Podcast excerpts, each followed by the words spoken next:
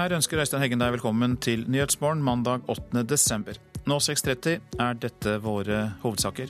Seks fanger løslatt fra Guantánamo-leiren og sendt til Uruguay. SAS saksøkes av det tyske jernbaneselskapet Deutsche Bahn. Flere flyselskaper beskyldes for prissamarbeid. May-Britt og Edvard Moser er lettet. Nobelforedraget de holdt i Stockholm vakte stor begeistring. Ja, det var en, en, av mitt livs opplevelser. Det var veldig gøy. Så masse folk, så masse oppmerksomhet, men det blir nå sendt verden over.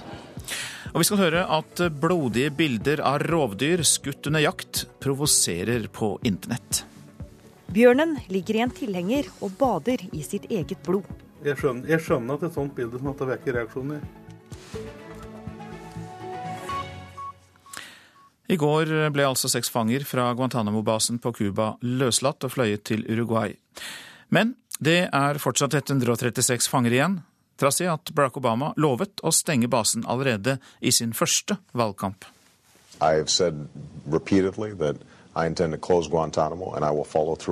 Jeg har sagt gjentatte ganger at jeg kommer til å stenge Guantánamo, og jeg vil gjennomføre det, sa Obama i et fjernsynsintervju like etter valgseieren for seks år siden. Det har ikke skjedd, selv om en del fanger er løslatt i disse årene. Av de 136 som fortsatt sitter i fangeleiren på Cuba, er 67 klarert for løslatelse, men i mange tilfeller ønsker ikke USA å sende dem tilbake til hjemlandet, og det har vist seg svært vanskelig å finne vertsland. Ikke siden 2009 har seks fanger vært løslatt på én gang, og nå skal fire syrere, en tunisier og en palestiner skape seg en ny framtid med flyktningestatus i Uruguay. President José Mojica har en fortid som geriljasoldat i opposisjon til Uruguays militærdiktatur, og han ønsker Guantánamo-fangene velkomne som frie menn. Det virker som om folket støtter ham. La seguridad nunca se vulnera. Somos nosotros que cuidamos nuestra propia seguridad. Det betyr ingenting for vår sikkerhet. Det at vi tar imot disse flyktningene er ingen trussel mot vår hjemlige sikkerhet, sier Roberto Garcia, en ganske alminnelig borger i hovedstaden Montevideo, dit de tidligere fangene ble fløyet for en grundig helsesjekk. Her i USA er holdningen en ganske annen. Begge kamrene i Kongressen utarbeider hvert år en lov som trekker opp rammene for forsvarspolitikken. Allerede i mai vedtok det republikanske flertallet i Representantenes hus et forslag som forbyr presidenten å flytte Guantánamo-fanger til amerikansk jord, inkludert til amerikanske fengsler. Et opprinnelig forslag fra Senatets forsvarskomité om å tillate slik overflytting er nå også droppet. USAs folkevalgte vil ikke ha noen opphopning av fanger som skal stilles for retten på amerikansk jord. Avtroppende forsvarsminister Chuck Hagel har generelt vært kritisk til løslatelse av fanger som potensielt kunne rekrutteres til IS i Syria. Det er ikke kjent om de fire syrerne som nå får flyktningstatus i Uruguay, har utreiseforbud. USAs forsvarsdepartement skal ha ivret for et slikt forbud. Groholm, Washington.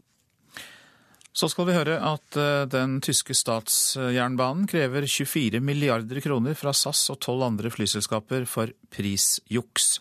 Deutsche Bahn, som er et av verdens største transportselskaper, mener selskaper som SAS, British Airways og Lufthansa i det skjulte har avtalt å jekke opp prisen på verdensbasis over en periode på minst seks år. Flere av selskapene skal allerede ha erkjent forholdene i saken. Prissamarbeidet mellom flyselskapene skal ha startet så langt tilbake som i 1999, da selskapene økte prisene og avtalte å si nei til rabatter på verdensbasis. Kartellvirksomheten skal ha kostet Deutsche Bahn og datterselskapet Schenker dyrt, skriver Dagens Næringsliv. Flere av selskapene har erkjent forholdene, og både EU-kommisjonen og det amerikanske justisdepartementet har utstedt bøter. SAS vedtok ikke boten på 620 millioner kroner, og anket saken som fortsatt verserer i systemet. Striden står nå om det sivile erstatningskravet som føres for domstoler i Köln og New York. Dersom tyskerne får fullt medhold, vil det være en av de største antitrust-sakene i amerikansk rettshistorie, skriver DN. Og eh, SAS har ikke besvart eh, avisens henvendelser angående søksmålet. Reporter Kristine Næss Larsen. 30 internasjonale organisasjoner krever at verdenssamfunnet gjør mer for syriske flyktninger. De vil at verdens land tar imot minst 5% av de syriske flyktningene innen utgangen av 2015. Og da dreier det seg om rundt 180 000 mennesker. Generalsekretær i Amnesty, Jon Peder Egenes, god morgen til deg. God morgen. Det er jo et godt formål, men er ikke bare dette en lek med tall? Nei, det er ikke det. Ehm, FNs høykommissær for flyktninger har definert at ca. 380 000 mennesker av de som har flyktet ut av Syria, er spesielt sårbare. Dvs. Si ca. 10 av det totale tallet, for det er nå 3,8 millioner flyktninger i de aller nærmeste landene. Ehm, hvis man kan i første omgang ta ut eh, halvparten av disse, slik eh, de 30 organisasjonene krever, så avhjelper man selvfølgelig situasjonen for de 180 000 menneskene. Da snakker vi om torturoverlevere, vi snakker om enslige barn, vi snakker om kvinner som er enslige forsørgere. Eh, og, den, og, selvfølgelig folk som er syke eller skadde. Da hjelper man de 180 000, pluss at man tar av noe av toppen av den vanvittige vanvittige byrden som Libanon, Tyrkia og Jordan særlig sliter med akkurat nå.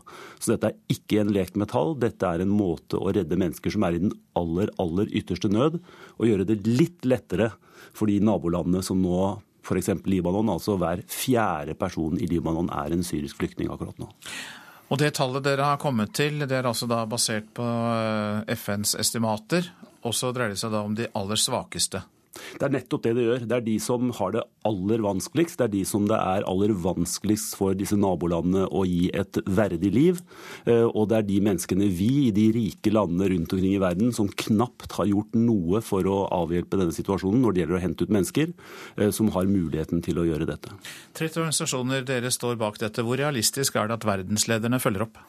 Nei, altså Vi må bare legge press på dem, for det er skammelig det som er gjort til nå. Det er nesten ikke syriske flyktninger utenfor nærområdet. Det er den største katastrofen siden annen verdenskrig når det gjelder flukt.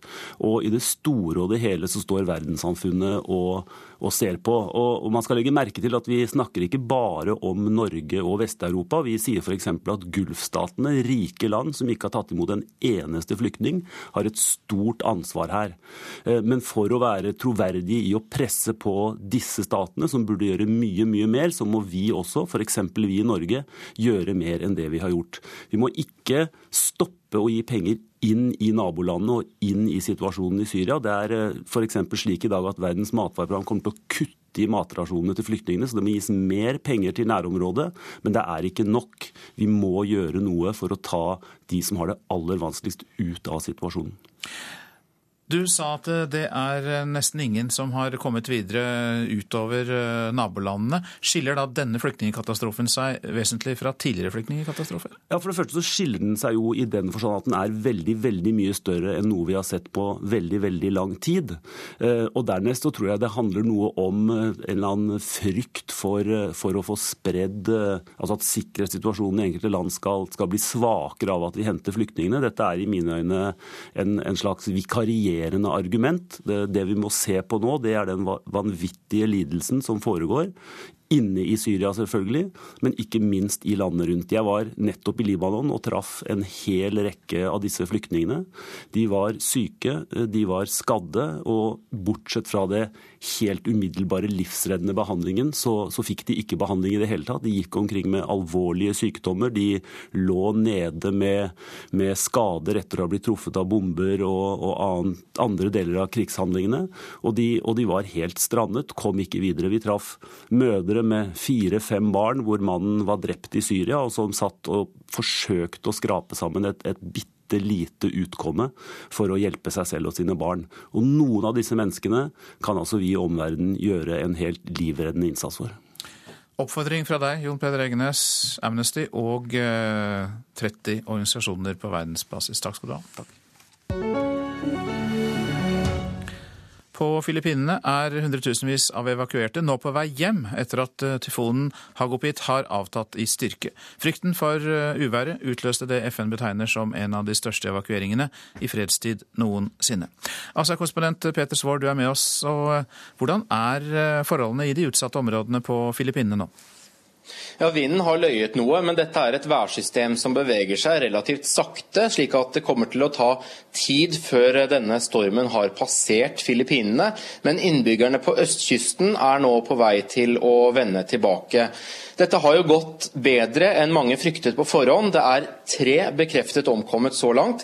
Det er et tall som kan stige noe etter hvert som redningsmannskapene får bedre oversikt, men dette ble ikke noe i nærheten av den katastrofen mange fryktet, og som Filippinene opplevde for ett år siden, selv om i provinsen Dolores f.eks. er 80% av husene ødelagt av stormen nå. Samtidig er det i den provinsen bare meldt om én omkommet som fikk et tre over seg. Men dette var jo også en kraftig tofon, så hvorfor gikk det så mye bedre nå? Delvis fordi vinden løyet eh, når tyfonen kom inn over land lørdag eh, kveld, men uten tvil også pga. den storstilte evakueringen som ble iverksatt. Mange områder har opplevd springflo i helgen på opp mot 4-5 meter. Det var disse oversvømmelsene og disse vannmassene som tok flest liv for ett år siden, og denne gang har kystbefolkningen blitt evakuert lenger inn på land og opp i høyden. Opp mot 1,2 millioner mennesker har vært evakuert, ifølge Filippinene filippinsk Røde Kors, og det er denne evakueringen som uten tvil har reddet et stort antall menneskeliv. Svært få omkomne heldigvis, men hva er det de evakuerte vender hjem til?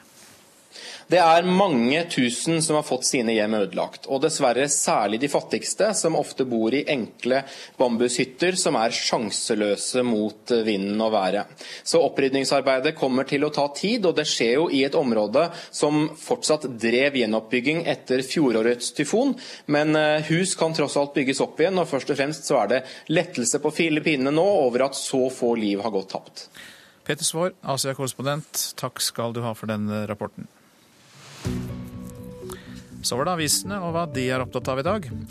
I morgen går fagforeningen Parat til politisk streik i flytrafikken i en time. Midlertidige ansettelser er et dolkestøt mot arbeidsfolk, og nå vil Parat ha med seg hele fagbevegelsen i en storstreik, sier lederen der, Vegard Einan, til Dagens Næringsliv.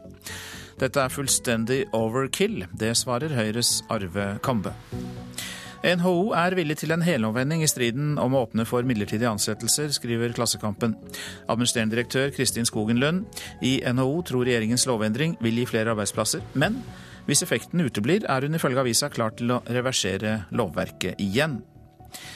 I Aftenposten kan vi lese hva operasjonene på sykehusene koster. Et nytt hjerte 1,2 millioner kroner, en ny lunge 886 000, en ny lever drøyt 1 million, og en normal fødsel 35 000 kroner. For første gang er hele listen offentliggjort, skriver eh, avisa. Dette øker og minsker din kreftrisiko, lyder oppslaget i Dagbladet. Det har vært en voldsom økning i antall krefttilfeller globalt, og eh, ett av tre sykdomstilfeller skyldes livsstil. Rådene er fortsatt de klassiske. Ikke røyk, ikke bli overvektig, hold deg fysisk aktiv og vær forsiktig med soling. Barn pekes ut som ofre i krig, kan vi lese i Vårt Land. Barn blir halshogd og skutt i brutale kriger, viser FN-rapport. Men dersom barna får et spesielt vern, så blir de bare mer attraktive som mål, og deres militære nytteverdi øker, heter det i rapporten. Ifølge FNs barnefond lever opp mot én milliard barn i land som er hjemsøkt av konflikt og krig. Boom i hybridbiler kan ventes på bygda, sier Norges Automobilforbund til Nasjonen. Hybridbilen er et godt alternativ til elbil i distriktene, sier Inger Sagedal i NAF, og avgiftskutt har gjort dem opp mot 30 000 kroner billigere. Han ofret egne penger og tok kampen opp mot politiet. VG har intervjuet Stig Jensen, bistandsadvokat for Kristina Sviglinskaja, som mistet sin åtte år gamle datter Monica. Politiet henla saken som selvmord, men Stig Jensen finansierte arbeidet med å presse politiet til å ta etterforskningen opp igjen, fordi han fryktet at Monica var blitt drept.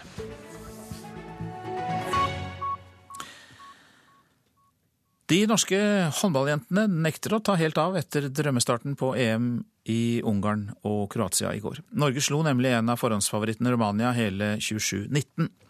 Neste motstander er Ukraina, og gårsdagens store spiller Stine Bredal Oftedal tar ikke lett på det oppgjøret.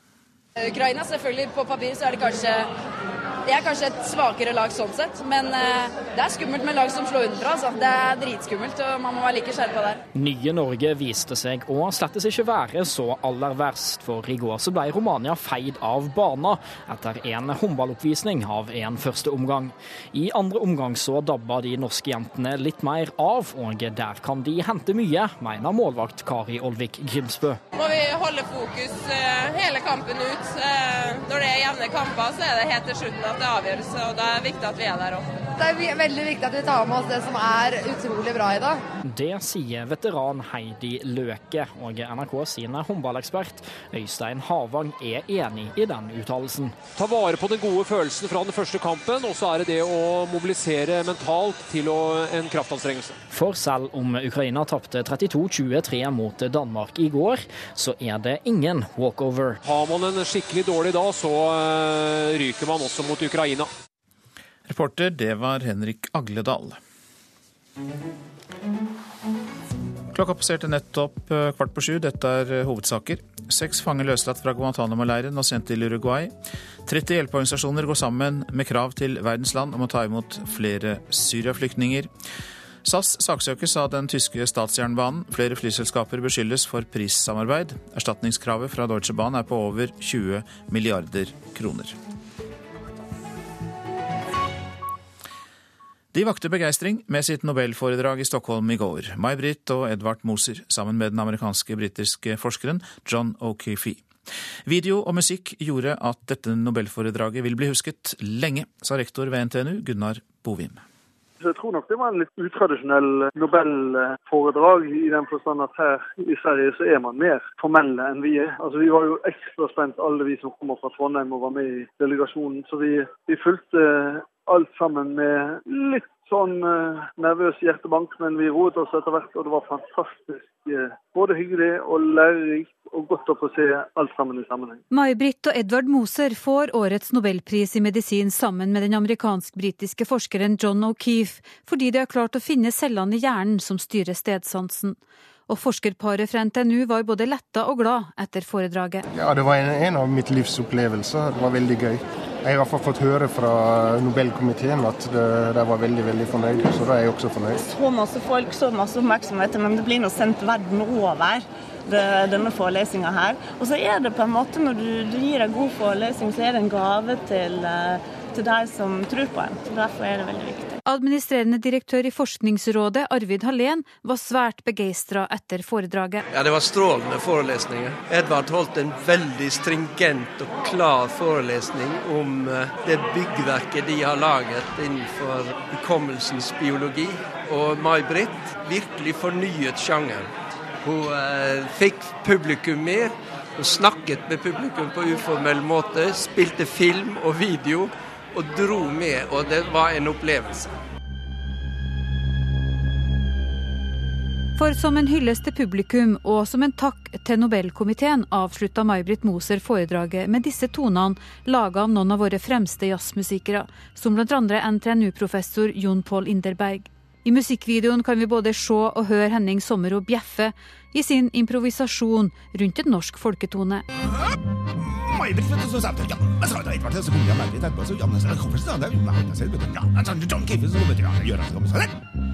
Altså, rektor blir jo strålende stolt når eh, vi i vårt musikkmiljø kan stille opp med veldig, eh, veldig hva skal vi si, hørbar, nydelig innslag med mye humor. Det var, var kjempehyggelig å være med på.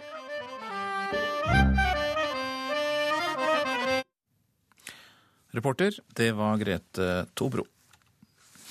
Blodige bilder av rovdyr skutt under jakt provoserer på internett. Nå vil Norges jeger- og fiskeforbund i Hedmark kurse jegerne til nettvett. Ole Mattis Lien i Norges jeger- og fiskeforbund har sett flere eksempler på jaktbilder han mener aldri burde vært publisert. Jeg skjønner, jeg skjønner at et sånt bilde som dette vekker reaksjoner. Ole Mattis Lien ser på et bilde av en skutt bjørn. Bjørnen ligger i en tilhenger og bader i sitt eget blod. Dette er eksempel på et bilde som ikke bør legges ut på nett, sier lederen i Jeger- og Fiskerforbundet i Hedmark. Nei, det har jo vært en del bilder som det har vært reaksjoner på. Det er eh, bilder som kanskje vi jegere ikke reagerer på mye på, men som andre reagerer på med. Som at det er mye blod på bilder som blir lagt ut på sånne ting. Nå kurses jegere i Hedmark om hva som er greit å legge ut på internett, og hva de bør unngå. Behovet har blitt større med åra, for stadig flere deler bilder og videoer fra jakta. Nei, Vi ser jo at det, dette har blitt veldig lettvint. Folk kan ta bilder med mobiltelefon og legge ut ting fra jakta, bilder fra jakta med en gang. Og vi ser jo ikke at alle har vært like heldige med det det har blitt lagt ut. I Stor-Elvdal gleder to- og firbeinte seg over varsel om nysnø. Vi går og venter spent når det blir jakt til helga, så nå er det eh, ivrige hunder som står og venter. Kim Jønsson og Kjell Åge Fredheim er ivrige jegere og deler mange av sine jaktopplevelser på Facebook. Nei, det er først og fremst fordi de fleste av vennene mine er eh, også jegere, og har òg glede av å, å, se sånne bilder. Eh, og, og, høre om historien bak, bak, jakta. Hvis det er en vellykket jakt, og det er et uh, fint og verdig bilde av en uh, jaktsituasjon, så syns jeg det er fint å legge ut. Men en del lar seg provosere. Foreningen Våre rovdyr får stadig henvendelser fra folk om bilder og videoer de finner. Det sier styreleder Lennart Fløseth.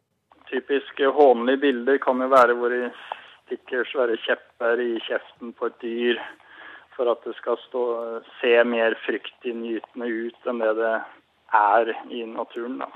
At de drar og river og sliter i ører og tunger og ja, gjør sånne eh, ting med det døde dyret. da.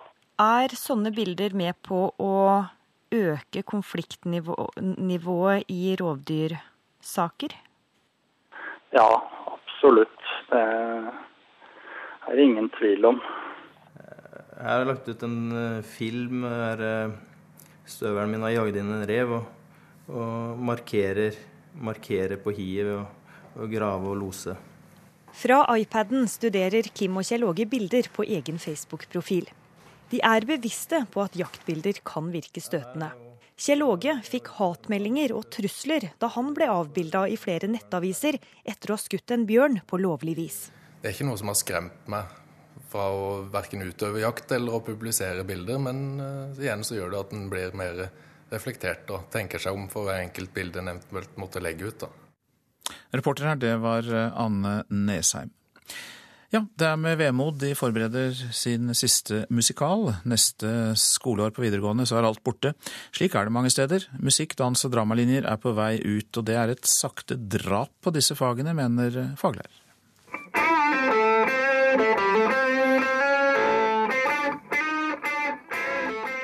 Jeg ser en trend med et uh, langsomt drap, vil jeg si det, ganske kraftfullt, på kunstfagene i skolen. Særlig grunnskolen. Sier Tone Pernille Østern, førsteamanuensis i kunstfagdidaktikk ved program for lærerutdanning ved NTNU i Trondheim. Hun skal vi komme tilbake til. Først en tur til Bjugn på Fosen videregående skole. Her er musikkelevene i ferd med å planlegge skolens siste musikal. De har ansvaret for alt, fra innhold, sponsorer til innkvartering av danserne fra Riga og en turnéplan dit. Paul Nordøvne og Philip Hansen ser på sceneskissene. Ja, her er jo eh, modellen vi har på eh, barn, som skal være en del av scenografien. Ubrettbar bar, ja. ja. dere holder på med scenografien på en forestilling. Dere sa det blir den siste forestillinga. Hvordan føles det? Nærmest smertefullt. Det kommer til å ta ifra så mye fra det kulturelle livet her ute. Ja, det er jo uh, musikklinja på Fosen her er jo veldig viktig for kulturlivet på Fosen. da. Siste store oppsetninga. Vi har jo bestemt oss for at det skal bli det største. Det er for få søkere til musikk, dans og drama her, mener fylkeskommunen å legge ned. Trenden i Norge er klar. Kunstfag taper terreng. Det blir ikke verdsatt i grunnskolen, mener Tone Pernille Østern. Ja, for det her er en trend som du kan se i, i læreplansutvikling uh, og i styringsdokumenter. Og som påvirker litt sånn på sikt. Hun viser til at lærerne fra 2003 kunne velge bort kunstfag, og at det ble færre timer fra 2006. Altså, vi har lærere i skoler der, som ikke har noen grunnleggende forståelse eller verdsetting for kunstfag i det hele tatt. Det betyr samtidig at man eh, ikke viser elevene at det her er en verdifull kunnskap. Og reporter her, det var Lars Erik eh, Skjærseth. Den norske filmen 'Burning' er så langt årets mest sette film på kino. Bilfilmen eh, ble laget uten offentlig støtte, med 30 millioner kroner i budsjett og et utall dugnadstimer. Så nå er det bare premiereklare Hobbiten som kan vippe Burning av tronen. Kommet hit for å preike, Roy. Herfra til Sinsen. Sinsen? Gardermoen, da. Trondheim. Nordkapp. Hemmeligheten er å lage en god film. Det føler jeg at vi har gjort. Det sier Børning-produsent Jon Jacobsen om at over 380 000 nordmenn har sett filmen hans. Vi har også registrert at den spiller for hele familien. Eh, uten å være en familiefilm. Den spiller for bestefar og far og bestemor og mor og sønn og datter. Og eh, det går veldig langt ned i alder, og det går veldig langt opp i alder. Like stort spenn har kanskje ikke filmen som kaprer en foreløpig andreplass, 'Doktor Proktors prompepulver'. Nummer tre på lista er 'Kaptein Sabeltann og skatten i Lama Rama'. Vi har en skatt å finne.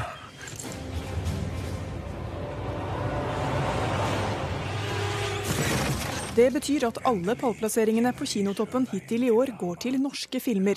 Vi må ned på en fjerdeplass for å finne den første utenlandske, Disney-filmen 'Frost'. Og barnefilmene dominerer. På lista over norske filmer er sju av de ti best besøkte myntet på barn. Men helt øverst ligger altså 'Burning'. Den kan bare bli slått av den nye Hobbiten-filmen, som har premiere om to dager. This was the last move in a master plan. Long in the making. Vi snakker om en storfilm med et budsjett på 1,7 milliarder kroner.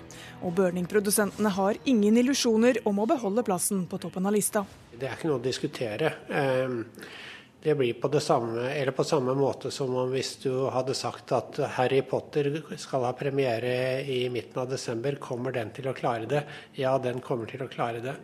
Eh, Men eh, vi er ganske stolte over at vi har klart å slå nær sagt alle andre filmer i år. Nå skal det smake meg svele.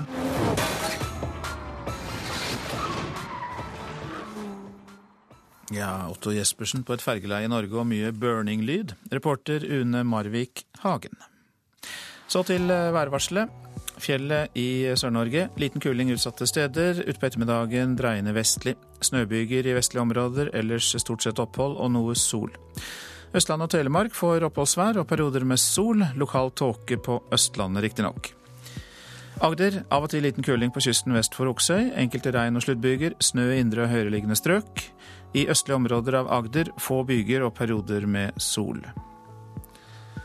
Vestlandet sør for Stad sørvestlig liten kuling, stiv kuling ved Stad. Fra i ettermiddag nordvestlig opp i stiv kuling på kysten. Regn og haglbyger i ytre strøk, ellers sludd- og snøbyger. Utrygt for torden blir det også på Vestlandet.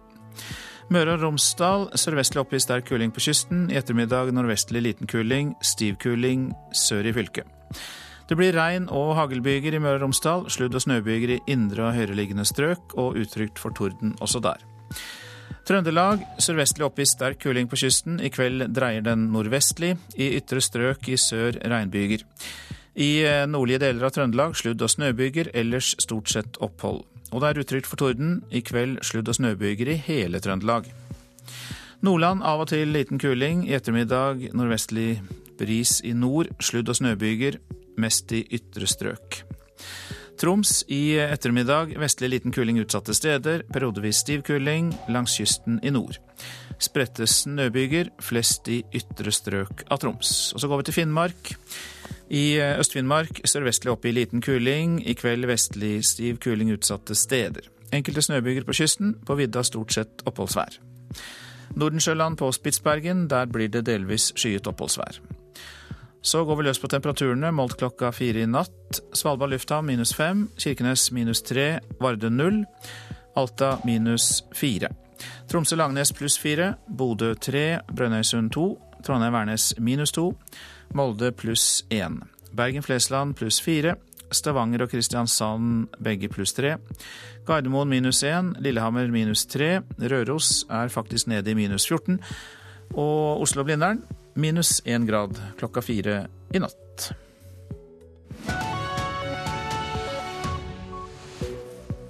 Hvordan skal vi få unge utenfor samfunnet inn igjen? En representant for regjeringen svarer, for vi hørte i Dagsnytt at 40 000 unge verken jobber, går på skole eller får Nav-støtte. Hva ønsker vi oss til jul? Vi skal høre at lektorbransjen har gjort seg opp en mening om det allerede. Bærbar PC, eh, nettbrett. De ønsker seg spillkonsoller, eh, smart-TV. Mens vi ser at mange eldre eh, vil ha GPS-styr og ønsker seg DAB-radio. Kampen mot ebola er ikke effektiv. Behandlingsplasser i Sierra Leone står tomme. Ikke alle eldre med innvandrerbakgrunn snakker norsk. Nå må ansatte på sykehjem få digitale hjelpemidler for å kunne kommunisere med dem.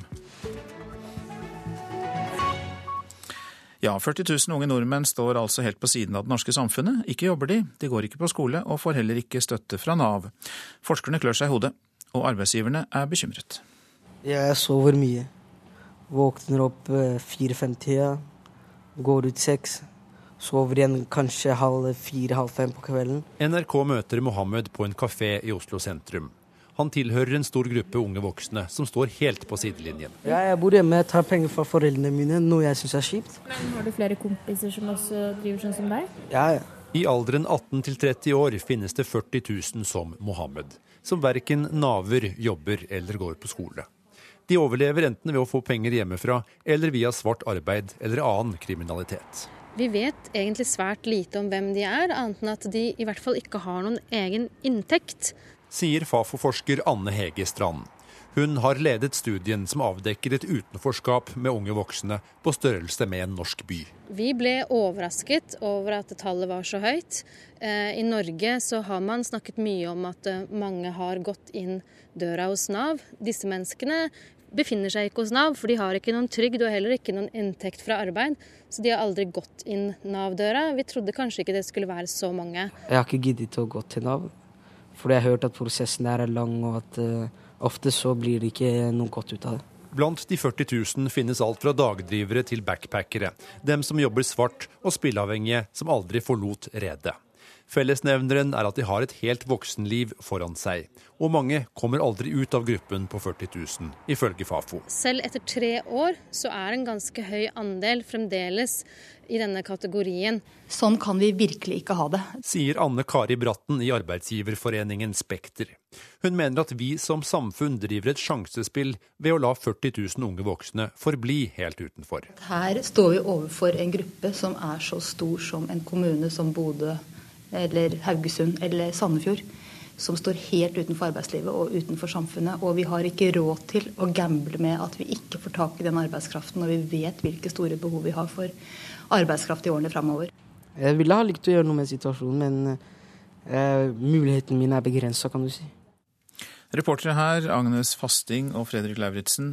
Du kan lese mer om denne saken på nrk.no, men du kan også høre mer her og nå. God morgen til deg, Christian Dahlberg Hauge. God morgen. Du er statssekretær i Arbeids- og sosialdepartementet fra Frp.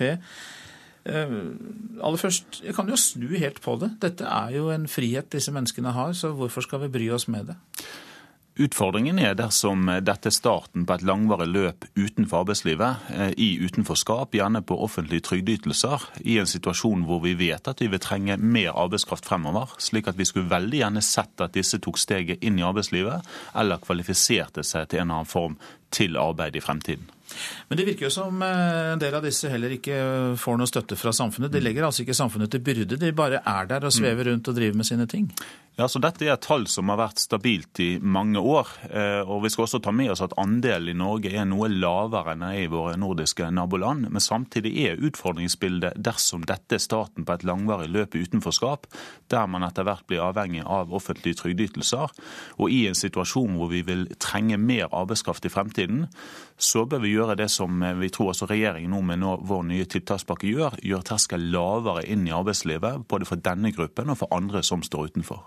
Hvilke tiltak ser du da for deg, Haugen? Det er rett og slett at vi må senke terskel inn i arbeidslivet. Eh, det er den tiltakspakken regjeringen la fram før helgen, som inneholder både en økt adgang til midlertidige ansettelser, det handler om mer tilretteleggingstilskudd, det handler om eh, arbeidstreningsordninger osv. Det er enkle ordninger som skal gjøre det stimulere arbeidsgivere til å ta sjansen på mennesker med enten hull i CV-en, på en eller annen form for har stått utenfor i mange år. Og da må vi bygge ned den terskelen som altfor lenge har holdt altfor mange utenfor arbeidslivet. Ja, Du nevner jo flere tiltak, men er likevel svaret det at man har flere midlertidige ansettelser? Altså, Vi mener jo at det er ett av flere tiltak som gjør at terskel inn i arbeidslivet blir eh, lavere. Det blir enklere å få vise seg fram. Men dette er ett av flere tiltak. for jeg tror Summen av alt det handler om at det blir mindre risiko for arbeidsgivere å ansette grupper som i dag i altfor stor grad er henvist til utenforskap utenfor arbeidslivet. Men også det at det blir enklere for denne gruppen å få vise fram.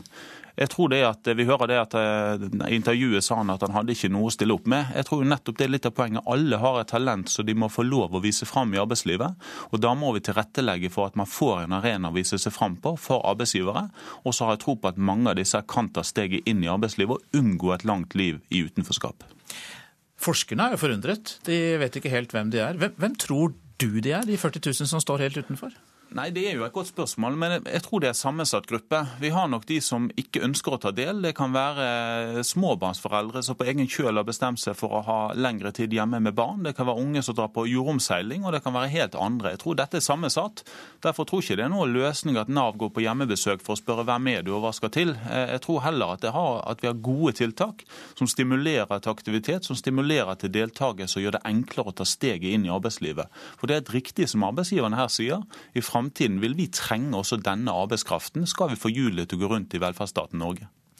Takk skal du ha i denne omgang, Kristian Dahlberg Hauge, som altså er statssekretær i Arbeids- og sosialdepartementet. Nettbrett, drikkeflasker, bøker om fletting. Ja, det er bare noen av få ting nordmenn ønsker seg til jul i år. Eller noen av mange ting, skal jeg vel heller si. Og vi tok en prat med flere folk i flere butikker som selger ekstra mye de kommende ukene.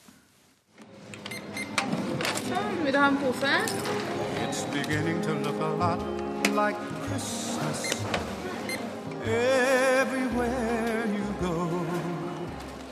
Butikker over hele landet har for lengst pyntet til jul og venter på at vi skal starte gavehandlingen. Men hva er det egentlig nordmenn ønsker seg i år? Bærbar PC, eh, nettbrett. De ønsker seg spillkonsoller, eh, smart-TV. Mens vi ser at mange eldre eh, vil ha GPS til jul, og ønsker seg DAB-radio. Det sier kommunikasjonssjef i Elkjøp, Øystein Schmidt. De har spurt flere tusen nordmenn hva de aller helst vil se under juletreet i år, og kan vise til noen spesielle funn. Vi har funnet at sykepleiere tydeligvis da har eh, veldig lyst til å ha gryte og kjøkkenutstyr eh, til jul. I tillegg så, så viser det seg at eh, lærere de sier at varmepumpe hadde vært topp. Men det er flere enn Elkjøp som kaster seg på i kampen om kundene. I 2006 lanserte Kirkens Nødhjelp de symbolske gavene sine, som gikk ut på at man kunne kjøpe bl.a. en geit til en u-landsfamilie. I år har de kommet med en drikkeflaske som de tror vil slå bra an hos det norske folk, sier Katrine Bø Gjesti. Det er rett og slett en fysisk drikkeflaske med vannrensefilter. Og samtidig, når du kjøper denne gaven, så kan Kirkens Nødhjelp gi varig tilgang til rent vann til ett menneske gjennom vårt arbeid. Og ifølge salgstallene ligger Kirkens Nødhjelp bra an. Fortsetter handelen slik, tror Gjesti at det kan bli en fin jul for mange av de som kanskje trenger det mest. Så langt i november i år så har vi jo økt med 80% sammenligna med i fjor. Så jeg tror det blir mange geiter og rent vann og drikkeflasker som kommer til å ligge under juletrærne i de tusen hjem i år.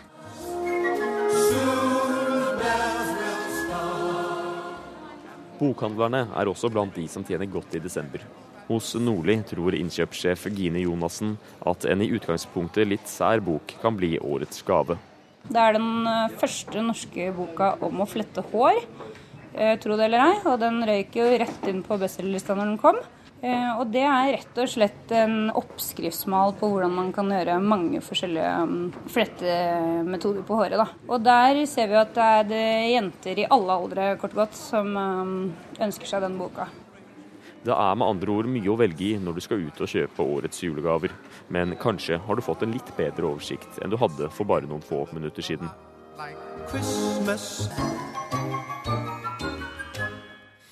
Ja, En liten smak av hva som er mulige julegaver, eh, servert av reporter Vegard Valestrand. Bror Stende, god morgen til deg. Takk. Du er direktør for mote og fritid i arbeidsgiverorganisasjonen Virke. og Hvordan stemmer det du hørte her med ditt inntrykk? Nei, Det stemmer bra. Julehandelen startet sterkere enn vi hadde forventet, faktisk. Vi har tall fra de tre siste ukene i eh, november, og de var veldig bra. Eh, og det er kanskje da særlig eh, hjem, kjøkkenutstyr, hjemartikler som har gått best. Så da er det vel pynting i alvestiden som kanskje har, tatt, har vært det sterkeste hittil. da. Ja, så er det også det at uh, dingser og pynt, som man gjerne kaller det, øker med 12% Hva forteller det?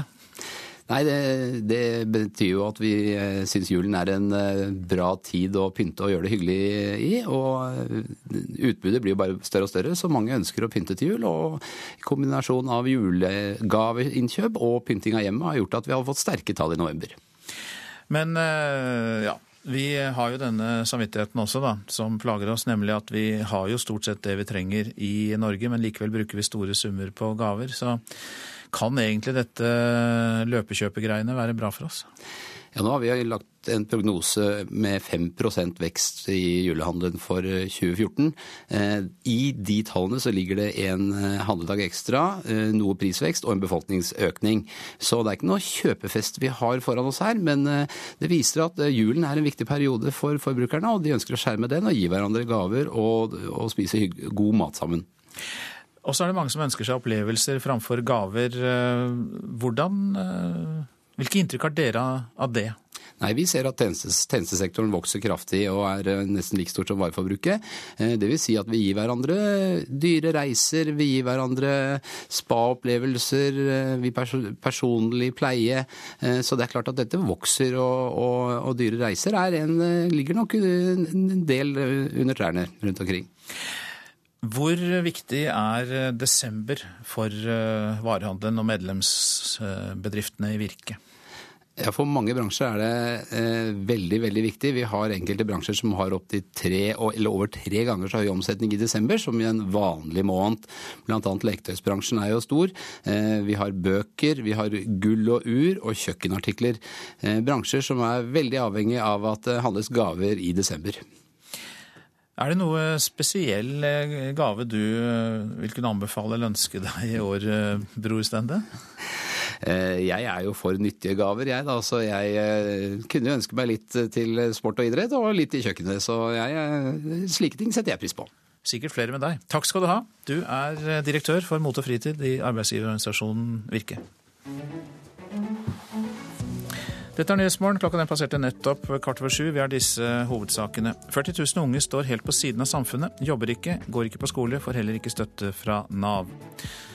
SAS saksøkes av den tyske statsjernbanen. Flere flyselskaper beskyldes for prissamarbeid. Erstatningskrav fra Deutsche Bahn er på over 20 milliarder kroner og føres for domstoler i Köln og New York. Og ikke alle eldre med innvandrerbakgrunn snakker norsk. Nå må ansatte på sykehjem få digitale hjelpemidler for å kunne kommunisere med dem. Mer om det snart i Nyhetsmorgen. Men det kommer nå kritikk av hvordan kampen mot ebola i Sierra Leone blir ført. Avisen New York Times dokumenterer at mange behandlingsplasser står tomme, og at det i stor grad er ineffektivitet i arbeidet. the I think the prognosis for Sierra Leone is actually very good. And the reason I say Assisterende direktør i Verdens helseorganisasjon, Bruce Aylward, er optimist når det gjelder Sierra Leone. Han mener det står bra til med arbeidet mot smitten. Men New York Times beskriver nå noe helt annet. Avisen sier at de nye behandlingssentrene som er bygd, er rene og pene, men med mange tomme senger. Et senter, Kerry Town-klinikken, har 80 senger, men bare 20 av dem er i bruk. Problemet er folk til å drive senteret. De er ikke på plass. Lokale nødhjelpsledere sier dårlig koordinering mellom hjelpeorganisasjoner, dårlig ledelse på myndighetsnivå og ren generell ineffektivitet koster tusenvis av liv. Ifølge New York Times, som har mer om situasjonen.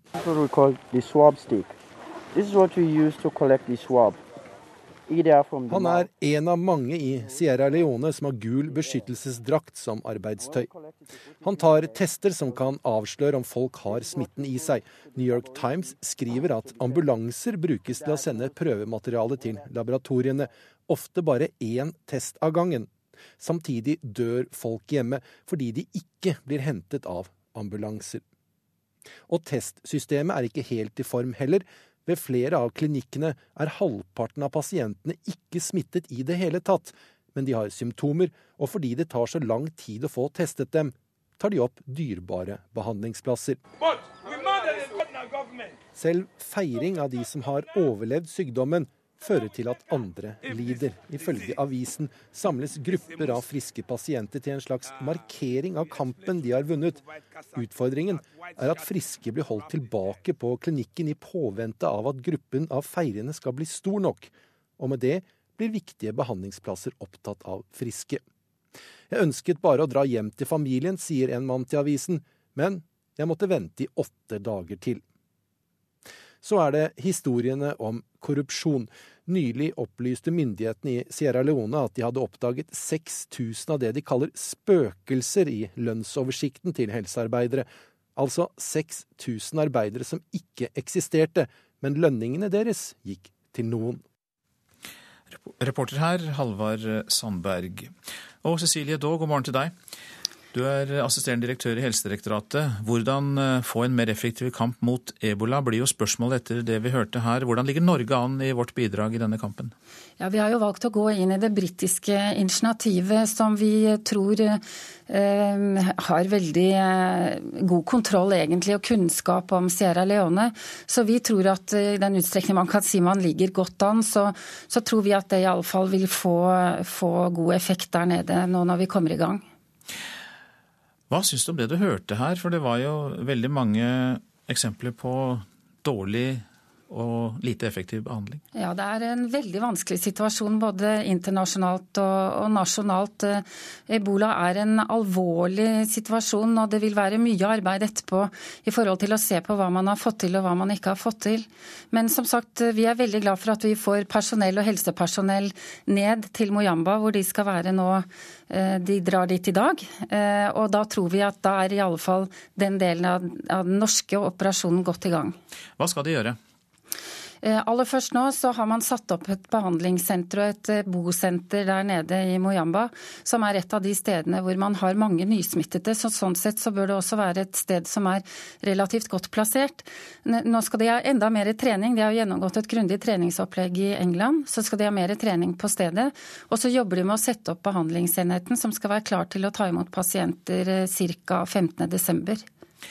Hvor lenge Ser dere for dere at det er behov for hjelp utenfra til å bekjempe ebola? Ja, vårt tidsperspektiv i første omgang er fram mot sommeren, faktisk. Og Hvorfor tar det så lang tid? For nå har vi jo hørt eh, rapporter om at eh, sykdomstilfellene går ned.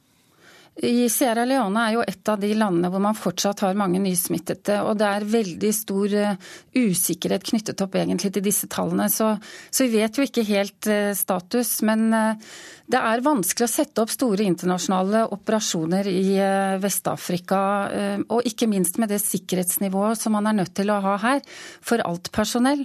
Så det har vist seg veldig krevende med koordineringen. og Nettopp derfor så gikk vi inn i det britiske initiativet, som vi oppfatter som veldig velordnet og godt koordinert, selv om de også har strevd med fremdriften. Hvor lang tid eh, er de der nede, de norske som f.eks. drar i dag? Når kommer de tilbake igjen? Ja, vi, vi, eh, tenker at de skal være der eh, seks til åtte uker. Vi må prøve oss litt frem. Vi starter også med å sende team på ca. 15 stykker. Og det kan også hende at vi utvider etter hvert, når vi får litt mer erfaring enn det vi har nå. mange er det totalt? Regjeringen har åpnet for inntil 200 helsearbeidere, men vi har jo mye annet norsk personell der nede også, som understøtter helheten i dette. Så totalt sett så blir det jo mange hundre, egentlig. Takk for den oppdateringen, Cecilie Daa, som er assisterende direktør i Helsedirektoratet. Takk. Så var det det avisene har på sine forsider i dag. I morgen går fagforeningen Parat til politisk streik i flytrafikken en time. Og midlertidige ansettelser er et dolkestøt mot arbeidsfolk, og nå vil Parat ta med seg hele fagbevegelsen i en storstreik, sier lederen der, Vegard Einan, til Dagens Næringsliv. Det er fullstendig overkill, svarer Høyres Arve Kambe. NHO er villig til en helomvending i striden om å åpne for midlertidige ansettelser, skriver Klassekampen. Administrerende direktør Kristin Skogen Lund i NHO tror regjeringens lovendring vil gi flere arbeidsplasser, men hvis effekten uteblir, er hun ifølge avisa klar til å reversere lovverket igjen. I Aftenposten kan vi lese hva operasjonene på sykehusene koster. Et nytt hjerte 1,2 millioner kroner, en ny lunge 886 000, Ny lever drøyt en million, og en normal fødsel 35 000 kroner. For første gang er hele listen offentliggjort, skriver avisa. Dette øker og minsker din kreftrisiko, lyder oppslaget i Dagbladet. Det har vært en voldsom økning av antall krefttilfeller globalt, og i ett av tre sykdomstilfeller skyldes det livsstil. Rådene er da fortsatt de klassiske. Ikke røyk, ikke bli overvektig, hold deg fysisk aktiv og vær forsiktig med soling. Barn pekes ut som offer i krig, kan vi lese i Vårt Land. Barn blir halshogd og skutt i brutale kriger, viser FN-rapport. Men barna som får et spesielt vern, de kan bli mer attraktive som mål pga. deres militære nytteverdi, ifølge FN-rapporten. Og eh, den eh, sier også at opp mot en milliard barn lever i land som er hjemsøkt av konflikt og krig. Boom i hybridbiler kan ventes på bygda, sier Norges Automobilforbund til Nasjonen. Hybridbilen er et godt alternativ til elbilen i distriktene, sier Inger Sagedal i NAF. Avgiftskutt har gjort dem opp mot 30 000 kroner billigere. Han ofret egne penger og tok kampen mot politiet. VG har intervjuet Stig Jensen, bistandsadvokaten for Kristina Sviglinskaja, som mistet sin åtte år gamle datter Monica. Politiet henla saken som selvmord, men Stig Jensen finansierte arbeidet med å presse politiet til å ta etterforskningen opp igjen, fordi han fryktet at Monica var blitt drept. Ikke alle eldre med innvandrerbakgrunn snakker norsk. Det er en utfordring for sykehjemmene, og i Skien skal ansatte få et digitalt hjelpemiddel for å kunne snakke med nye beboere. Ved Gulset sykehjem er den spansktalende hjelpepleieren Natalie Eddington til stor hjelp. Har du det bra? Dette hjem. Si? Jeg òg. Jeg Ja. Inger Merete Martinsen Melby lærer nye ord av kollegaen sin Natalie Eddington. Den 87 år gamle demente kvinnen i rullestolen setter pris på det. Hun kommer fra Chile, akkurat som Natalie gjorde som niåring. Hoy día es carne. Carne. La carne es rica. Carne con papa. Beboerne hører på norske julesanger i dagligstua mens de venter på middagen. Om noen timer skal Natalie hjem. Da kommer det nye utfordringer. Eh, det er, altså det er ikke enkelt. Eh, man må jo prøve å bruke fingerspråk og kroppsspråk. Eh, nå har det seg sånn at jeg kan noen få ord. Og det, altså bare det lille der hjelper jo litt, men, men det er ikke så enkelt. Hvem av dere blir mest fortvila da? Er det deg, eller er det beboeren? Nei, kanskje begge to. Begge to blir det. Og jeg syns det er veldig fortvilende. Fordi at det, det, hun prater så mye, og så forstår ikke jeg hva hun, hva hun vil. Nå får de snart et hjelpemiddel i nettbrettform med et oversetterprogram. Det ser de fram til. Det er gull. Ja, det blir veldig eh, spennende. Mm. Å se om det fungerer. Stig på. I annen etasje på rådhuset i Skien sitter Guro Winsvold, kommunalsjef for helse og velferd. Hun har mange ressurser blant de ansatte med to travle bein og varme hender. I helse og velferd så jobber det etter hvert mange med eh, innvandrerbakgrunn, og som har, eh, vi har eh, fra flere kulturer. Og det er klart når vi får en, en eldre pasient som kommer fra én kultur, så vil vi høyst sannsynlig ha en fra samme kultur som jobber innenfor pleie og omsorg. Og hvordan kan vi da eh, få matcha disse personene? Det syns jeg er et spennende felt å gå inn i fra, i årene framover. Hvis det er en ansatt hos dere som kan eh, somalisk, som jobber ved ett sykehjem, og du får en beboer da på et annet sykehjem som eh, kommer fra Somalia, kan det da være snakk om å flytte en ansatt, bare for å kunne være til bedre støtte og hjelp på det andre sykehjemmet? Ja, Det har vi ikke diskutert, men det vil jo selvfølgelig være en, en eh, sånn løsning som vi kan se på i framtida hvis dette skulle bli en utfordring. Eh, så tenker jeg at det, Noe av det vi jobber med i det hele tatt i helsevelferden nå, er jo større mobilitet blant ansatte. At vi må flytte kompetansen dit hvor behovet er. Og hvis behovet da er å få en språklig forståelse, en kulturell forståelse, så vil det kunne være en måte å løse en sånn utfordring på. Hvordan tror du det kan bli i framtida da, hvis det kommer flere eldre med innvandrerbakgrunn på sykehjemmet? Jeg har et slags håp ja, om at andelen av våre ansatte som har en flerspråklig bakgrunn, øker. Og at det øker litt i tritt med eh, utviklingen av andelen pasienter som er fremmedspråklige. Og at dette på en måte vil følge hverandre. Men vi må selvfølgelig overvåke dette og se om det en sånn optimistisk tilnærming slår til. Det er bra. Bra, det kan du si. ¿Qué puede decir bra, cierto? ¿Te se acuerda lo que es bra? Bra. Bra. Flott. Ja, reporter på Gulset sykehjem, det var eh, Britt eh, Boyesen. Så tar vi med at eh, salget av norske juletrær til Europa har sunket med nesten 100 000 til skarve 1000 stykker det siste året, og eksporten av juletrær her i landet er i fritt fall, det skriver avisa Nasjonen. I 2009 hadde Norge en foreløpig eksporttopp. Ble, da ble det solgt rundt 95 000 juletrær til utlandet. Finanskrise og lavere priser på juletrær rundt om i Europa skal være hovedårsaken til at salget herfra til Europa stuper.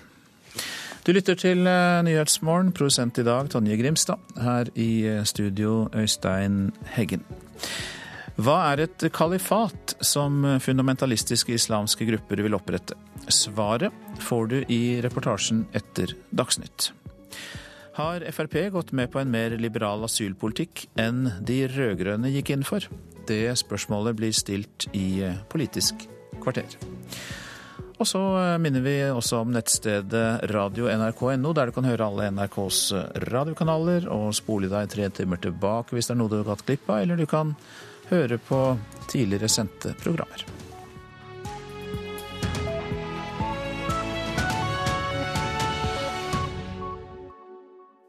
Spillerom på NRK P2. Over. it's over. If I had to use one word, it's kind of over. Hva er det som er over for Little Steven? Steven van kjent fra TV-serien Lillehammer. Og hva er hans forhold til folkeinstrumentet langeleik? Følg med i neste episode av Spillerom.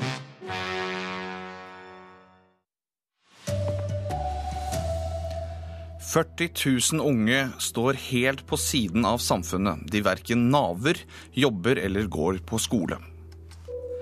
Kampen mot ebola i Sierra Leone får kritikk. Og nordmenns ønskeliste til jul innebærer alt fra smart-TV til bok om hårfletting. Her er NRK Dagsnytt klokken 7.30. 40 000 unge nordmenn står helt på siden av det norske samfunnet. Ikke jobber de, ikke går de på skole, og de får heller ingen støtte fra Nav. Forskerne klør seg i hodet, og arbeidsgiverne er bekymret. Jeg sover mye. Våkner opp fire-fem-tida, går ut seks. Sover igjen kanskje halv fire-halv fem på kvelden. NRK møter Mohammed på en kafé i Oslo sentrum. Han tilhører en stor gruppe unge voksne som står helt på sidelinjen. Ja, jeg bor hjemme, jeg tar penger fra foreldrene mine, noe jeg syns er kjipt. Men Har du flere kompiser som også driver sånn som deg? Ja, ja.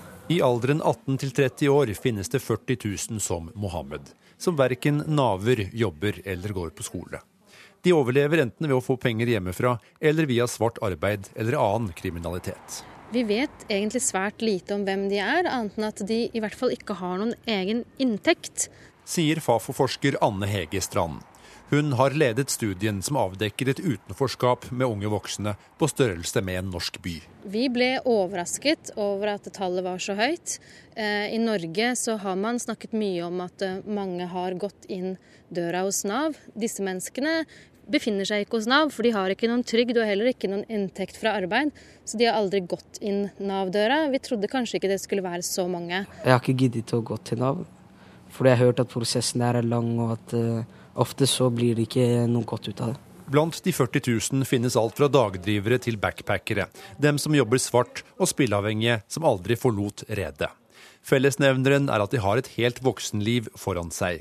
Og mange kommer aldri ut av gruppen på 40 000, ifølge Fafo. Selv etter tre år så er en ganske høy andel fremdeles i denne kategorien. Sånn kan vi virkelig ikke ha det. Sier Anne Kari Bratten i arbeidsgiverforeningen Spekter. Hun mener at vi som samfunn driver et sjansespill ved å la 40 000 unge voksne forbli helt utenfor. Her står vi overfor en gruppe som er så stor som en kommune som Bodø eller Haugesund eller Sandefjord. som står helt utenfor arbeidslivet og utenfor samfunnet. Og vi har ikke råd til å gamble med at vi ikke får tak i den arbeidskraften når vi vet hvilke store behov vi har for arbeidskraft i årene framover. Jeg ville ha likt å gjøre noe med situasjonen, men eh, muligheten min er begrensa, kan du si. Reportere Agnes Fasting og Fredrik Lauritzen. Og statssekretær i Arbeids- og sosialdepartementet Christian Dahlberg Hauge fra Frp tror de som står utenfor er en sammensatt gruppe. Vi har nok de som ikke ønsker å ta del. Det kan være småbarnsforeldre som på egen kjøl har bestemt seg for å ha lengre tid hjemme med barn. Det kan være unge som drar på jordomseiling, og det kan være helt andre. Jeg tror dette er sammensatt. Derfor tror ikke det er noen løsning at Nav går på hjemmebesøk for å spørre hvem er du og hva skal til. Jeg tror heller at, har, at vi har gode tiltak som stimulerer til aktivitet, som stimulerer til deltakelse og gjør det enklere å ta steget inn i arbeidslivet. Det er den tiltakspakken regjeringen la fram før helgen, som inneholder både en økt adgang til midlertidige ansettelser. Det handler om mer tilretteleggingstilskudd, det handler om arbeidstreningsordninger osv. Det er enkle ordninger som skal gjøre det stimulere arbeidsgivere til å ta sjansen på mennesker med enten hull i CV-en, på en eller annen form for har stått utenfor i mange år. Og Da må vi bygge ned den terskelen som altfor lenge har holdt altfor mange utenfor arbeidslivet. For det er et riktig som arbeidsgiverne her sier. I framtiden vil vi trenge også denne arbeidskraften, skal vi få hjulet til å gå rundt i velferdsstaten Norge. Et flertall på Stortinget sier nei til at norske politifolk alltid skal bære våpen. Det er klart etter at Arbeiderpartiet vil stemme for Venstres forslag om å ikke innføre generell bevæpning, melder NTB. Det betyr at regjeringen er alene om å åpne for å innføre dette i de politidistriktene som ønsker det. Den tyske statsbanen krever 24 milliarder kroner fra SAS og tolv andre flyselskaper for prisjuks. Deutsche Bahn, som er et av verdens største transportselskaper, mener selskaper som SAS, British Airways og Lufthansa i det skjulte har avtalt å jekke opp prisene på verdensbasis over en periode på minst seks år, skriver Dagens Næringsliv. SAS har nektet å vedta boten på 620 millioner kroner. Det kommer nå kritikk av hvordan kampen mot ebola i Sierra Leone blir ført. Avisen New York Times dokumenterer at mange behandlingsplasser står tomme, og at det er stor grad av ineffektivitet i arbeidet.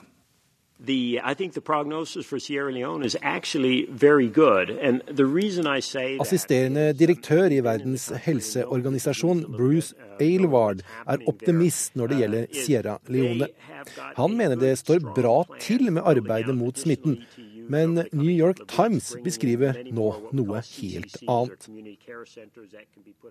Avisen sier at de nye behandlingssentrene som er bygd, er rene og pene, men med mange tomme senger. Et senter, Kerry Town-klinikken, har 80 senger, men bare 20 av dem er i bruk. Problemet er folk til å drive senteret. De er ikke på plass. Lokale nødhjelpsledere sier dårlig koordinering mellom hjelpeorganisasjoner, dårlig ledelse på myndighetsnivå og ren generell ineffektivitet koster tusenvis av liv. Ifølge New York Times, som har mer om situasjonen.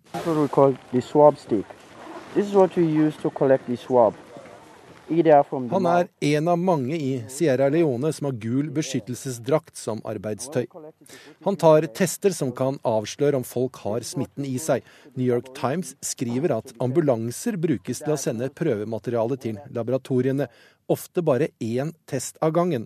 Samtidig dør folk hjemme fordi de ikke blir hentet av ambulanser. Reporter Halvard Sandberg.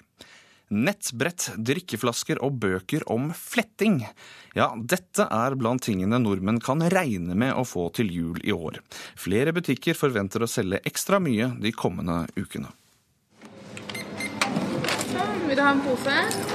It's beginning to look a lot like Christmas everywhere. Butikker over hele landet har for lengst pyntet til jul og venter på at vi skal starte gavehandlingen. Men hva er det egentlig nordmenn ønsker seg i år? Bærbar PC, nettbrett. De ønsker seg spillkonsoller, smart-TV. Det sier kommunikasjonssjef i Elkjøp, Øystein Schmidt. Men det er flere enn Elkjøp som kaster seg på i kampen om kundene. Kirkens Nødhjelp lanserte nylig en drikkeflaske de tror vil slå an hos det norske folk, sier Katrine Bø Gjesti. Det er rett og slett en fysisk drikkeflaske med vannrensefilter. Og samtidig, når du kjøper denne gaven, så kan Kirkens Nødhjelp gi varig tilgang til rent vann til ett menneske. Bokhandlerne er også blant de som tjener godt i desember. Hos Nordli tror innkjøpssjef Gine Jonassen at en i utgangspunktet litt sær bok kan bli årets gave. Det er den eh, første norske boka om å flette hår. Og der ser vi at det er det jenter i alle aldre kort og godt som eh, ønsker seg den boka. Det er med andre ord mye å velge i når du skal ut og kjøpe årets julegaver. Men kanskje har du fått en litt bedre oversikt enn du hadde for bare noen få minutter siden.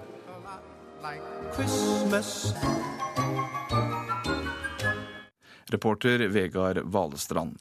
Men mange ønsker seg også opplevelser til jul. Det sier direktør for mote og fritid i arbeidsgiverorganisasjonen Virke, Bror Stende. Nei, Vi ser at tjenestes, tjenestesektoren vokser kraftig og er eh, nesten like stort som vareforbruket. Eh, det vil si at vi gir hverandre dyre reiser, vi gir hverandre spa-opplevelser, eh, vi pers personlig pleie. Så det er klart at dette vokser, og, og, og dyre reiser en, ligger nok en del under trærne rundt omkring. De norske håndballjentene tar ikke lett på neste motstander i EM, Ukraina. Det endte med storseier 27-19 mot Romania i går, og selv om Ukraina er et antatt dårligere lag enn Romania, tror ikke gårsdagens store profil, Stine Bredal Oftedal, at det er, blir en lett kamp i morgen. Ukraina, selvfølgelig, på papir så er det kanskje det er kanskje et svakere lag sånn sett, men eh, det er skummelt med lag som slår utenfra. Altså. Det er dritskummelt, og man må være like skjerpa der. Nye Norge viste seg å slettes ikke være så aller verst, for i går så ble Romania feid av banen etter en håndballoppvisning av en første omgang. I andre omgang så dabba de norske jentene litt mer av, og der kan de hente mye, mener målvakt Kari Olvik Grimsbø. Må vi holde fokus eh, hele kampen ut. Eh, når det er jevne kamper, så er det helt til slutten at det avgjøres. og Det er viktig at vi er der òg. Ta vare på den gode følelsen fra den første kampen, og så er det det å mobilisere mentalt til å, en kraftanstrengelse. Det sa til slutt NRKs håndballekspert Øystein Havang, reporter Henrik Agledal. Ansvarlig for denne sendingen var Anne Skårseth, teknisk ansvarlig Mari Janne Myrhol, i studio Jan Erik Bjørnskau.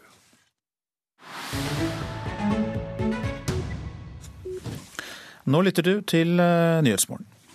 Al Shabaab, Boko Haram, Den islamske stat, felles for de tre fundamentalistiske gruppene er målet om å etablere et kalifat. Men hva innebærer det? Nordøst i Nigeria har Boko Haram erklært et område for et kalifat, og Afrikakorrespondent Kristine Presttun er i nærheten av dette området og har møtt folk som har flyktet fra Boko Harams jerngrep. Menn i bønn, alvorlige menn. De ber til Allah i flyktningleiren i Yola her nordøst i Nigeria. Etter bønnen er jeg invitert med inn i moskeen, en nedlagt fabrikk. På med sløret, av med skoene. Mennene setter seg en halvsirkel rundt meg på gulvet i det golde rommet. Vi skal snakke om islam og kalifatet, som Boko Haram har erklært noen få mil fra der vi er.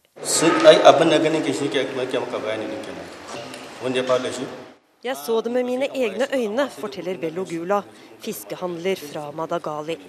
Han var der da Boko Haram inntok byen. Krigerne fra Boko Haram gikk alltid rundt på markedsdagen og forlangte at vi skulle komme ut for å se. En mann som hadde stjålet noe, fikk hånden sin kuttet av. Utro menn ble begravd levende eller skutt. Bello Gula trekker pusten før han forteller om flere henrettelser. De drepte en mann fordi han lot være å fire flagget til Boko Haram. En kvinne som gikk opp i fjellene for informasjon til folk som hadde flyktet, ble også drept. Den tidligere fiskehandleren vågte ikke å vise at han syntes det var for ille. De som gjorde det, ble også henrettet. Belogula ville flykte, men ville vente til en regnværsdag. Da regnet kom, snek han seg ut av byen. Det var i august at Boko Harams leder Abu Bakar Shekau la ut en video der han sier at gruppen har startet et eget islamsk kalifat rundt byen Gwosa. Han la til at de nå følger Koranens lover i Allahs eget land. Kalifatet er en betegnelse på det styret som Mohammeds etterfølgere sto for, der man styrte på vegne av profeten og Gud. Boko Harams drøm er et styre som de mener man levde lykkelig under for 1300-1400 år siden. Duk wanda ya razana wani a musulunci har an zama na gudunka ba musulunci ba kuma Det de gjør er helt imot islam, sier Ibrahim Likafito. Han er en eldre mann i en lys fotsid-skjortel. Han avviser at Boko Harams ideologi har noe som helst med islam å gjøre. De som terroriserer mennesker, er ikke muslimer, mener han. Utenfor moskeen møter vi Abbasad, som har flyktet fra Michika, som ligger i samme delstat som Yola. Det er ikke lenger dit fra der vi er nå, enn om du skulle kjøre fra Oslo til Larvik. Ikke rart at alle vi snakker med, er redde for at Yola er Boko Harams neste mål. Abbasad forteller om hvordan han så at sharia ble praktisert i Michika. En morgen ble vi alle beordret til å gå til emirens palass. Der var det tre gutter som var bundet på både hender og føtter. Vi ble fortalt at de var tatt for å stjele. Så la de guttenes armer på en skifersten, før en mann tok et sverd og kuttet av hendene deres. Abbasad viser med store armbevegelser hvordan bøddelen svingte sverdet. Han forteller at han kjente en av guttene godt fra sitt eget nabolag, og han sier jeg trodde jeg skulle dø da jeg så hva de gjorde med ham. Dette er Nyhetsmorgen, og dette er eh, hovedsaker i dag. 40 000 unge står helt på siden av samfunnet. De går verken på skole, jobber eller får støtte fra Nav. SAS saksøkes av den tyske statsjernbanen. Flere flyselskaper beskyldes for prissamarbeid. Erstatningskravet mot dem fra Deutsche Bahn er på over 20 milliarder kroner, skriver Dagens Næringsliv. Kampen mot ebola i Sierra Leone får kritikk. Avisen The New York Times dokumenterer at mange behandlingsplasser står tomme, og at det i stor grad er ineffektivitet i arbeidet. Et flertall på Stortinget sier nei til at norske politifolk alltid skal bære våpen. Det er klart etter at Arbeiderpartiet vil stemme for Venstres forslag om ikke å innføre generell bevæpning, melder NTB. Og så tikker klokken fram mot Politisk kvarter, og der er Line Tomter programleder.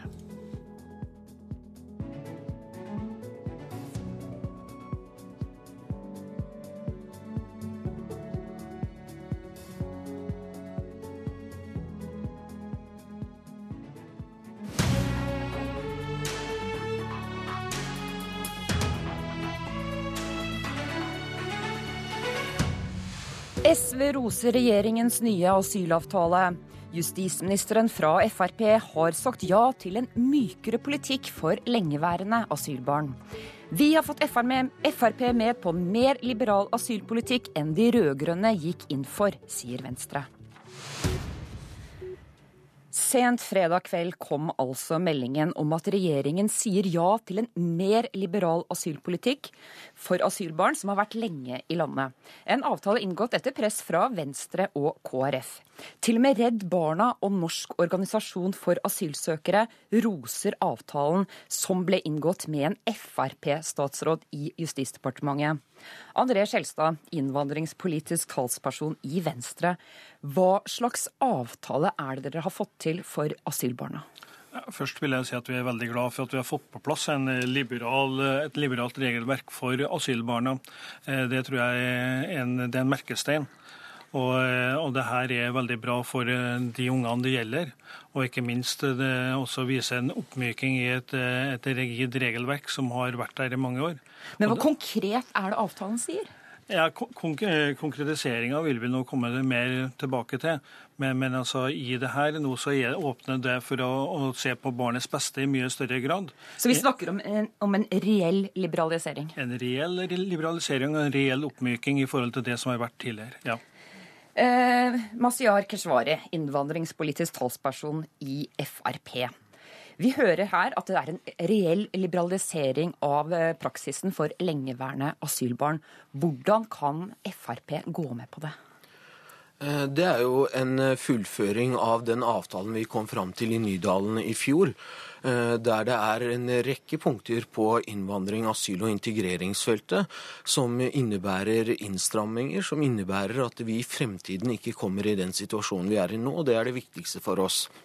Eh, I den avtalen så er det jo også punkter om utvidelse av lukkede plasser på Trandum, egen retursenter på Gardermoen, 24 års aldersgrense for henteekteskap, økt underholdskrav, økt krav fra tre til fem år eh, for å kunne søke norsk statsborgerskap ved ekteskap osv. Eh, når det kommer til dette punktet, så mener vi at det er, det er greit at når staten ikke har klart altså På mange måter så er dette et punkt som går på opprydning etter de rød-grønne. Men det så må er det en gå den grense. Ja, altså På dette feltet så vurderes jo hensynet til barns tilknytning til riket sterkere enn det som var eh, praksis. Eh, Men det viktigste er å sørge for at eh, familier, og spesielt barn, ikke kommer i den situasjonen. Og der har jo regjeringen også iverksatt en hel mange, masse tiltak. Vi skal komme tilbake til eh, de som, tiltakene. som gjør at man ikke kommer Ja. dit i, i fremtiden, for det er ikke heldig for noen. Vi skal komme tilbake til de punktene, men først skal vi høre fra deg, Karin Andersen, stortingsrepresentant for SV. Her har altså en statsråd fra Frp gått med på en liberalisering dere aldri klarte å overtale Arbeiderpartiet til å gå inn for. Eh, Hva syns du om det, egentlig? Nei, først så vil jeg si at jeg har rost Venstre og KrF, og ikke regjeringa. For regjeringa har gjort alt de har kunnet for å ikke få dette til. Og mens de har holdt på å forhandle, forhandle, så prøvde de å lure Venstre og KrF med en avtale som var en innstramming. En sterk innstramming. I mellomtida nå så har eh, Anundsen, Frp-statsråden, sendt ut mange lengeværende barn. Seinest denne helga ble det sendt ut flere. Så vi er glad for den ordlyden som kommer nå. Jeg tror, er, eh, jeg tror nok det er en bedring. Men det er jo fremdeles ikke sånn at eh, hensynet til barnas beste skal gå foran innvandringspolitiske tals, eller, hensyn. Og det er litt usikkert når avtalen skal begynne å virke. Altså når skal dette settes i verk. Og det som er viktig for oss nå, er at vi får stoppa fortsatt utsendelse av eh, de lengeværende barna. Sånn at Vi hørte jo Anundsen sa forrige uke at han ikke hadde tenkt å tømme lageret. Det sier jo litt om hva han mener, og han holder på ennå. Så det må stoppes. Så håper jeg at dette blir bedre for de lengeværende barna framover. Men så har jo også Keshvari rett i at de har stramma inn veldig mye på veldig mange områder. Blant annet jeg vil nevne ett som jeg syns er kanskje det Vi mest skal komme tilbake til Nei, jeg, må, jeg må få si det med det mest hjerteskjærende, er jo denne som han skryter av, denne femårsregelen. Altså at hvis du lever i ekteskap i Norge, og du eh, lever i et vondt og vanskelig ekteskap, til og med, til og med blir mishandla, så må du altså nå vinne en rettssak på det før du kan få bli i Norge. Før var det tre år, det var altfor lenge. Nå skal du altså måtte leve sånn i fem år. Dette er ikke noe særlig liberalt. Men før vi kommer inn på innstramningene, så vil jeg gjerne ha svar på én ting. Eh, Det har vært mye snakk om eh, disse som har løyet om identiteten sin. Og det er flere av dem som nå er blant de lengeværende, og som har lengeværende asylbarn. Vil denne nye avtalen innebære at de som har løyet, kan bli belønnet med oppholdstillatelse? Altså, det er jo en individuell vurdering der man tar for seg en rekke kriterier som eh, det kommer frem i, i forskriftsteksten. Men i forskriftsteksten så står det også, la meg få lov til å sitere, som tungtveiende innvandringsregulerende hensyn etter denne bestemmelsen regnes bl.a. om barnets foreldre aktivt har motarbeidet avklaring av egen identitet etter ankomst til landet, om de har begått alvorlig straffbare handlinger. Så det er jo ikke, det, det, denne, denne forskriften er jo ikke en generell amnesti der det er etter en viss eh, tidspunkt så får du automatisk bli, men man vurderer eh, barnets tilknytning til Norge og en rekke andre kriterier på en sterkere måte enn det man har gjort hittil. Skjelstad, innebærer dette at de som har eh, vært her lenge nok, kan bli belønnet selv om de har løyet? Det der tror jeg, På en dag som det her, nå etter fredagen, så tror jeg vi skal glede oss eh, svært over det som vi Men du faktisk har ikke fått- på det jeg som, som, som vi har fått til. Og, Ja. og, og Det er klart at eh, det er tre partier som har vært veldig tydelige på at vi skulle gjøre det her. Men de tre partiene har ikke flertall. altså Venstre, KrF og SV har ikke flertall. Og det som vi har fått til nå, er en god sak nå både for asylbarna, men ikke minst også for den humaniteten som en nasjon som Norge bør vise. Jeg, jeg tror det er viktig å si en, en ting, for du, du sier løyet. De fleste av eh, disse har en uklar identitet. Mange av dem klarer ikke å bevise sin identitet. Og det er noe helt annet enn å lyve. Og vi vet også at noen ganger gir man feil opplysninger i et intervju tidlig i en søkefase. Kanskje fordi man har blitt lurt til det. Altså man har blitt fortalt at sånn må man gjøre det. Eller at man ikke stoler på politiet. Veldig mange av disse kommer jo fra land som, der du ikke kan stole på politiet. Og jeg vil òg minne om at Advokatforeningen har hatt en rettshjelpsdugnad nå. på mange av disse sakene. Og da vinner de i retten i jeg tror det er seks av ti saker som de har vunnet. Og det viser jo at forvaltningen også ganske mange ganger tar feil. Og det er jo en av grunnene til at så mange ikke reiser hjem igjen, men blir, er jo at de vurderer situasjonen sin helt annerledes enn det norske utlendingsmyndigheter gjør. De er redde. De ser at de risikerer framtida for unga sine hvis de reiser tilbake fordi det er utrygt. der, er f.eks. Afghanistan, dit man nå har sendt veldig mange barnefamilier. Keshvari. Ja, altså, det, Den viktigste tilnærmingen for oss, og det har jeg gjentatt hele veien i Stortinget, vår tilnærming til dette er at vi skal behandle mennesker som har beskyttelsesbehov, med respekt. Vi skal ta dem på alvor. Vi skal behandle deres søknader på en grundig og god måte. Og Også der foregår det eh, nå en gjennomgang for å øke rettssikkerheten ved bl.a. å se muligheten for å ha en forvaltningsdomstol i behandling av disse sakene. Men til gjengjeld så krever vi også den samme respekten tilbake. Når mennesker har fått prøvd sakene sine, når de har anket og anket og anket, og man har kommet frem til at de ikke har beskyttelsesbehov, så må de forlate landet. Altså Man kan ikke ha et system bare man kommer inn for norske grenser, så kan man bli her automatisk, eller ljuge og jukse seg til opphold. Men, og Derfor men, er det så viktig med din innstrammingsbiten av det også. Men, ja, det skjønner jeg, men, men hva er et lengeværende asylbarn? Kan du svare på det? Hvordan det, definerer vi det? Det må vurderes. Det er ikke satt noe tidspunkt for, for når du er det. Men altså, det sier seg sjøl. Når vi f.eks. har barn som er født og oppvokst i Norge, som har gått hele skoletiden sin her, som har blitt en del av samfunnet etter åtte, ni, ti år, så er det jo ikke rimelig eh, at, at, man ikke skal ta hensyn til det. Det er jo to forhold som har bidratt til at barna er i en situasjon. Det ene er at foreldrene har nektet å etterkomme norsk lovgivning. Det andre er at man har hatt en inkompetent rød-grønn regjering som ikke har klart å få ut mennesker som ikke har noe her å gjøre. Og da må det gå et eller annet sted der vi klarer å si at nå setter vi en strek. Vi kan ikke la det gå utover barna. Skjelstad? Det som er først og fremst gledelig, er at Frp nå er med på, på, det her, som for så vidt Arbeiderpartiet ikke var med på i forrige runde. for Det er ikke noen tvil om at SV prøvde sterkt. Det, det er ikke minste tvil om. Men, men altså det at en nå får en skikkelig vurdering på barns beste i forhold til de som er fire og halvt år og vært lengre, det syns jeg er en, en oppmyking som er, er veldig bra. Men, først, men nå vil jeg også vite, når er det dette skal trå i kraft? Kan familie bare nå gå å gjemme seg hvis de har fått avslag, og vente på at de har vært her lenge nok. Når er det dette her trår i kraft? Er det i morgen? Nei, Dette spørsmålet stiller jo vi også. Når skal forskriften tre i kraft? Og inntil da så burde jo disse sakene stilles i bero. Og jeg blir jo litt forskrekka når jeg hører Keshvari snakker om å være her i åtte-ni år. Altså det burde være tre år. Det var det vi fikk til når vi lagde de engangsløsningene, og da stilte vi sakene i bero. Og det var svært mange som fikk bli den gangen. For dette handler om å vurdere altså barnets beste. Eh, og at det skal gå foran. Eh, og Noen av de forskriftsendringene som er nå, er jo de samme som lå i den eh, stortingsmeldinga som het Barn på flukt, men nå har man forskriftsfesta det, og det er jeg veldig glad for. Men én ting som virkelig mangler, og som det har vært en undersøkelse som viser nå, er jo å få barnefaglig kompetanse i UNE og UDI som gjør at de er i stand til å vurdere dette på en bedre måte, og særlig forholdene i hjemlandet for barna. Slik at kan, det kan telle ordentlig i saken. Til nå har de ikke gjort det, fordi man mangler den kompetansen. Men da vil jeg gjerne at Keshvari kan eh, kanskje svare på skal nå eh, saker under behandling stilles i bero? Nei. Eh, det er jo gitt en instruks eh, fra justisministeren, og det var det som var feilen, at den ikke gikk videre til politiet. Det er jo ikke noe, jo ikke noe generell amnesti som er innført nå, men man skal ikke prioritere lengstværende barna, for sånn var det under de rød-grønne. Da prioriterte man faktisk de lengstværende barna. Eh, prioriteten er jo de som har begått kriminalitet og andre kriterier. Og barn skal også prioriteres, men da ikke lengstværende.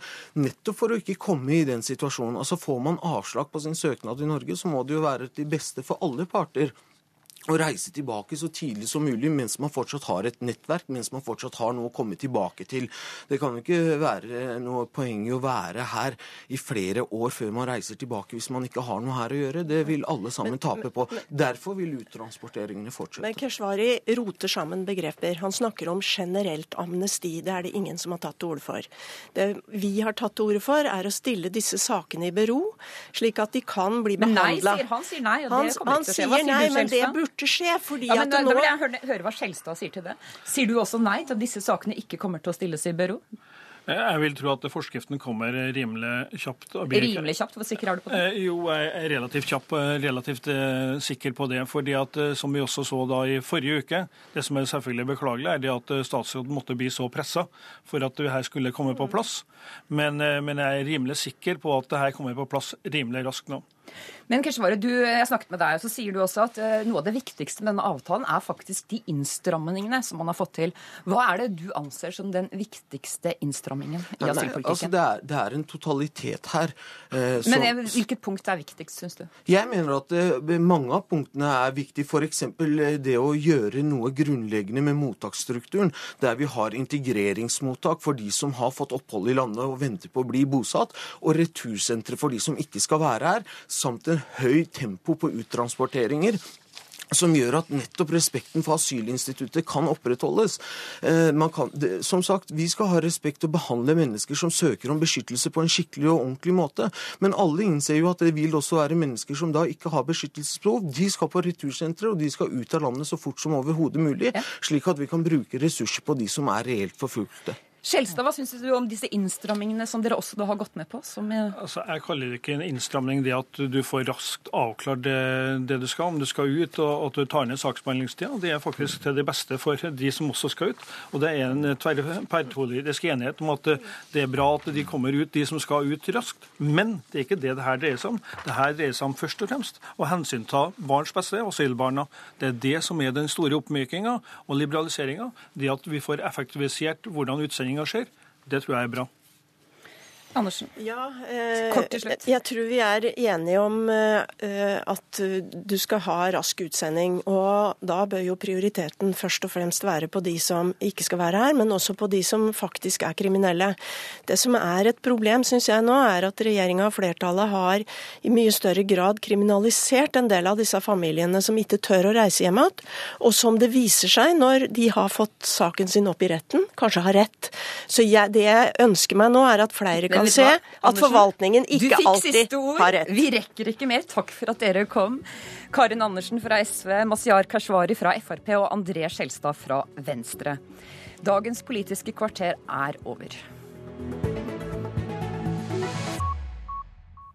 Hør flere podkaster på nrk.no podkast.